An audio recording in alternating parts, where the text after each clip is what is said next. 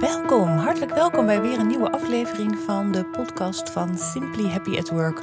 Onderweg naar werkgeluk. En deze episode gaat over herstellen. Het is een beetje een persoonlijk verhaal van mij over wat mij de afgelopen periode uh, is overkomen en hoe ik daar weer van ben hersteld.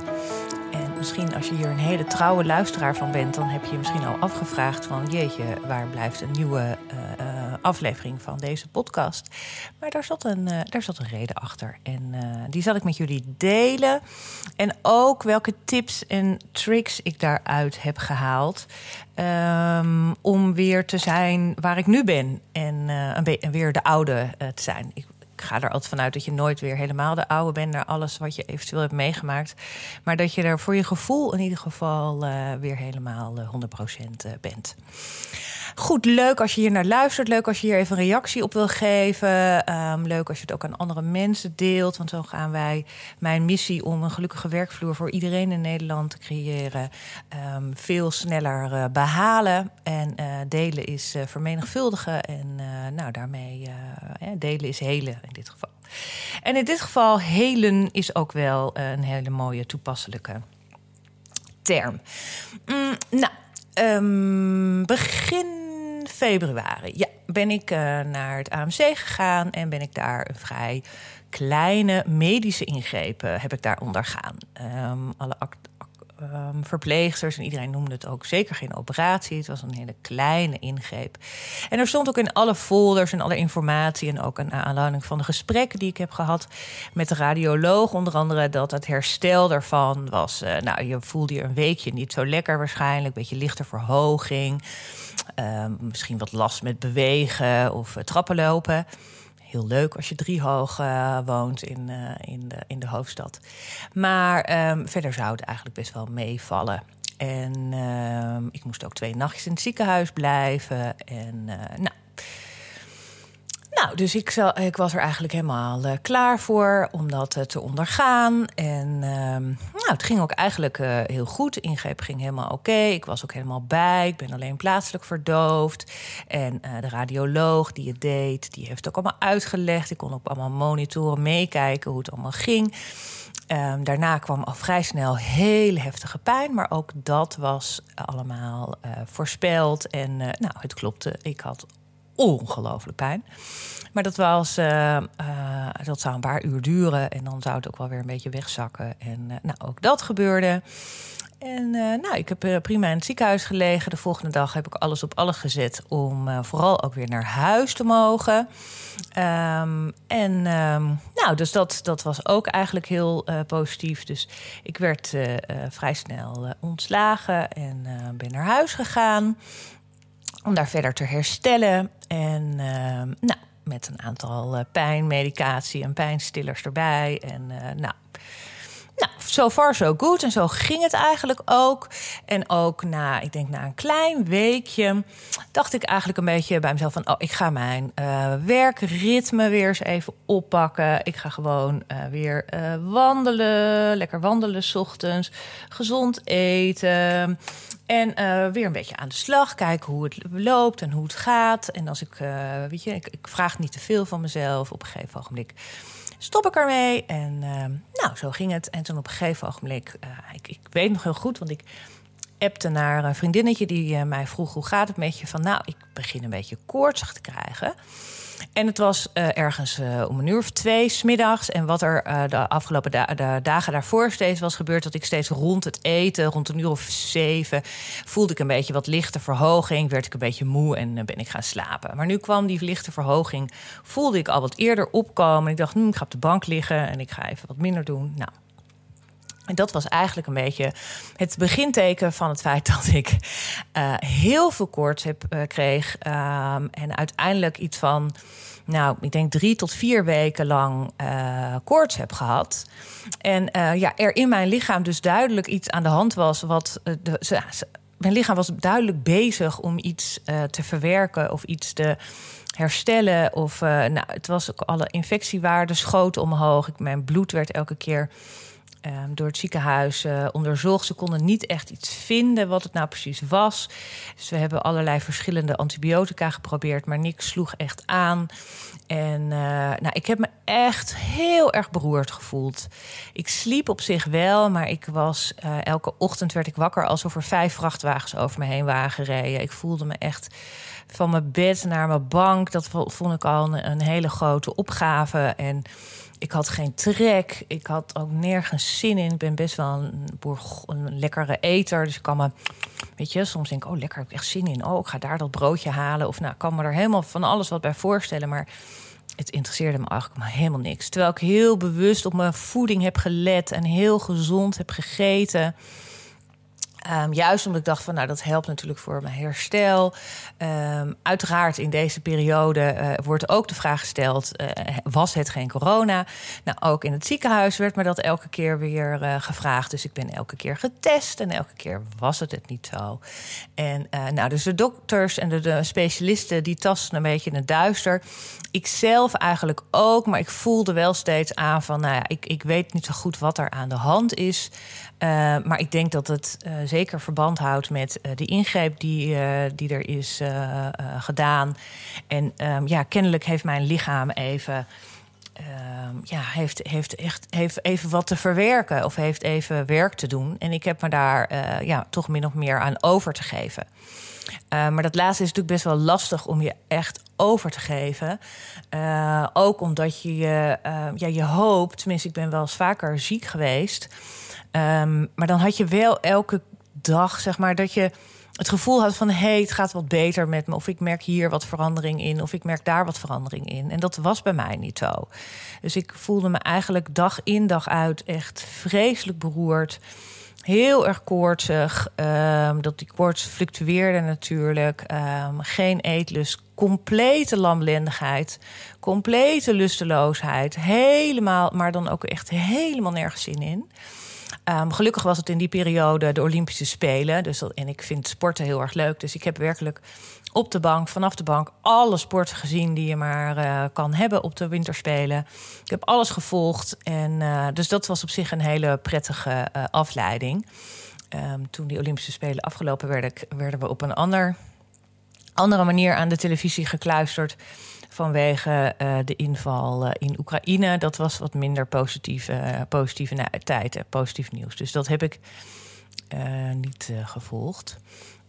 maar het, ik vond het best wel een heftige, een heftige tijd. Dat, het, dat je lichaam dus kennelijk je zo of ja, in de steek kan laten, weet ik eigenlijk niet. Maar dat, dat je lichaam zo hard aan het werk is.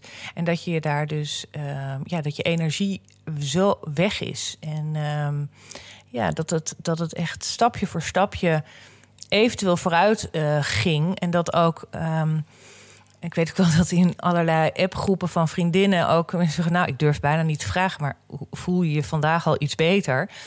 En ik heb dus, ik ben na drie weken lang achter elkaar al geantwoord: Nee, ik voel me nog steeds niet beter. Het is echt verschrikkelijk. En um, dus ja, daar wordt iedereen op een gegeven ogenblik ook een beetje moedeloos en machteloos van. Het enige licht, of tenminste het enige wat ik een beetje had, is dat ik elke. Ik heb heel uh, luxe een, een poetsvrouw of een schoonmaakster.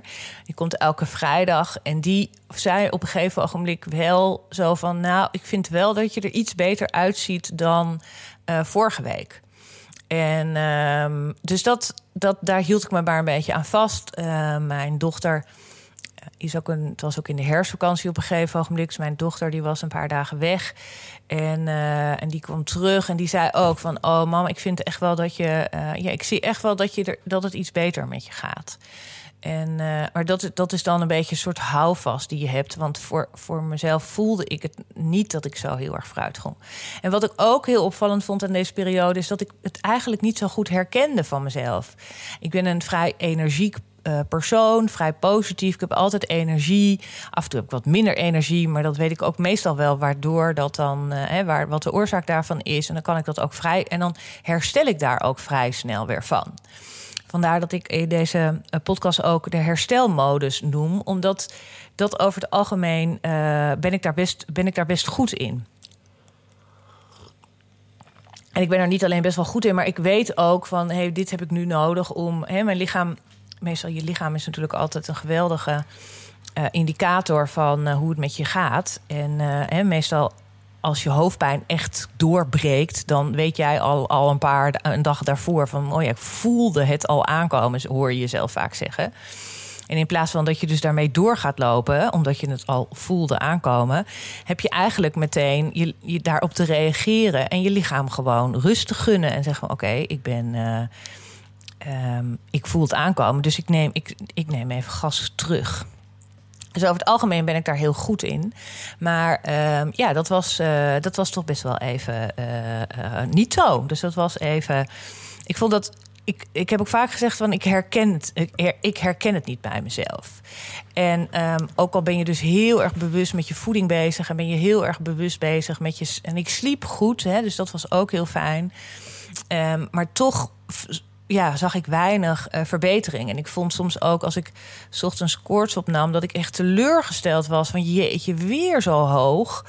En houdt het niet eens een keertje op. En dat ik s'avonds ook bijna niet meer durfde koorts op te nemen. Ik dacht van ja, weet je, ik weet nu al dat het heel hoog gaat zijn.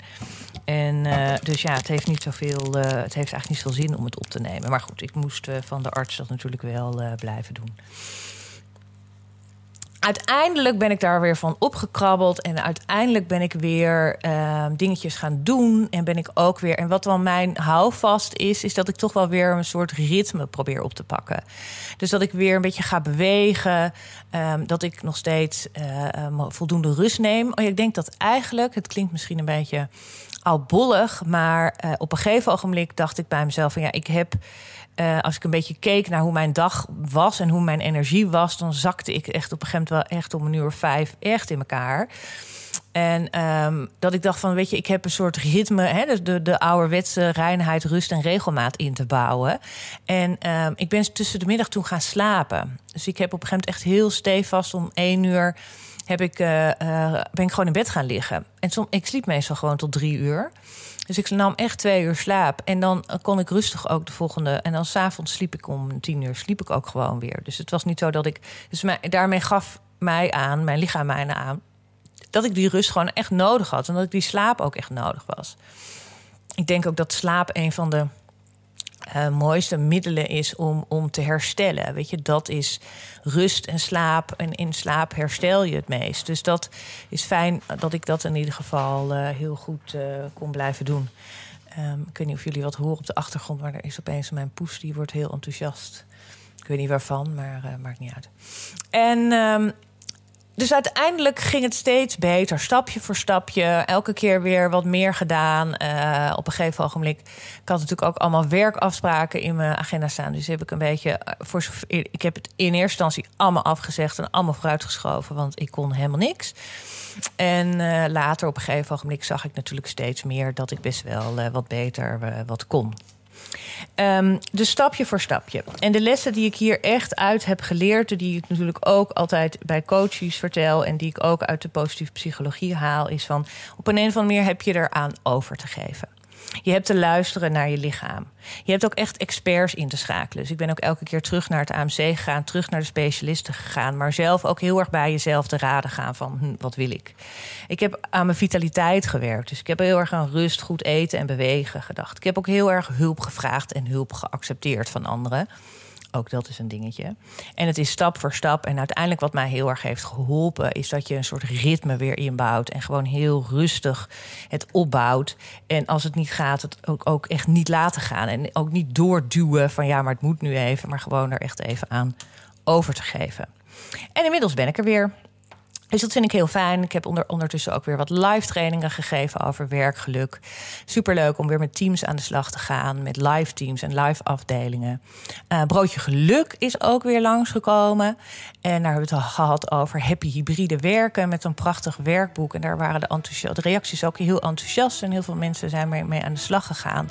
En hebben met hun team in ieder geval mooie onderwerpen en gesprekken en, en oefeningen en opdrachten gekregen. Waarmee ze echt hun eigen uh, plan aan het maken zijn om uh, hybride te gaan werken.